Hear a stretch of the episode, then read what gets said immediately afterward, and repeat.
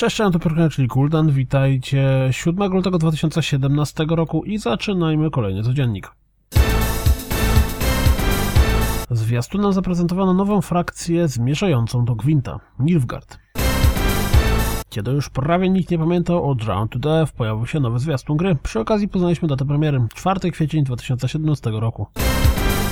Zwiastunem zaprezentowano kolejną paczkę aut zmierzającą do Forza Horizon 3. Pojawił się zwiastun 360 For Honor, który umiejscawia nas dosłownie w środku bitwy.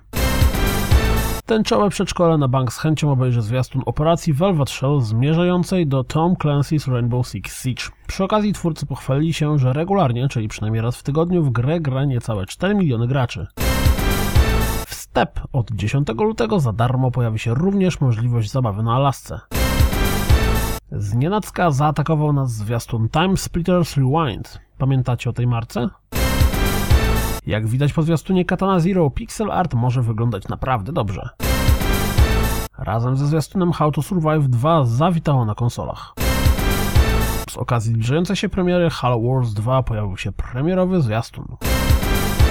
Starbreeze został wydawcą Psychonauts 2. Firma zainwestuje 8 milionów dolarów w wydanie gry na konsolach i PC. Gra pozyskała wcześniej prawie 4 miliony dolarów w trakcie zbiórki na figu. Zastanawia mnie, jak dobrze będzie musiał się sprzedać ten tytuł, żeby zwrócić takie inwestycje. Być może zauważyliście, że za każdym razem jak powie się nowy zwiastun Paragona, pytam, czy ktoś w niego w ogóle gra. A więc jak pochwalił się Epic Games, do gry zarejestrowało się prawie 6 milionów graczy, a w styczniu zagrało trochę ponad 800 tysięcy. Zelda Breath of the Wild uzyskała status Gold. Pojawiło się 13 minut rozgrywki z Yooka-Laylee. Jeśli lubicie chodzone gry logiczne, to sprawdźcie 15 minut rozgrywki z Subject 13, bo może Was zainteresować. Alicja Vikander jako Lara Croft prezentuje się następująco. Będzie dobrze? To wszystko na dziś, jak zawsze. Dziękuję za słuchanie, jak zawsze zapraszam na www.rozgrywkapodcast.pl Jeśli uważacie, co dzienniki to fajna sprawa, to pamiętajcie, żeby wesprzeć mnie na Patronite i mam nadzieję, że słyszymy się jutro. Trzymajcie się, cześć!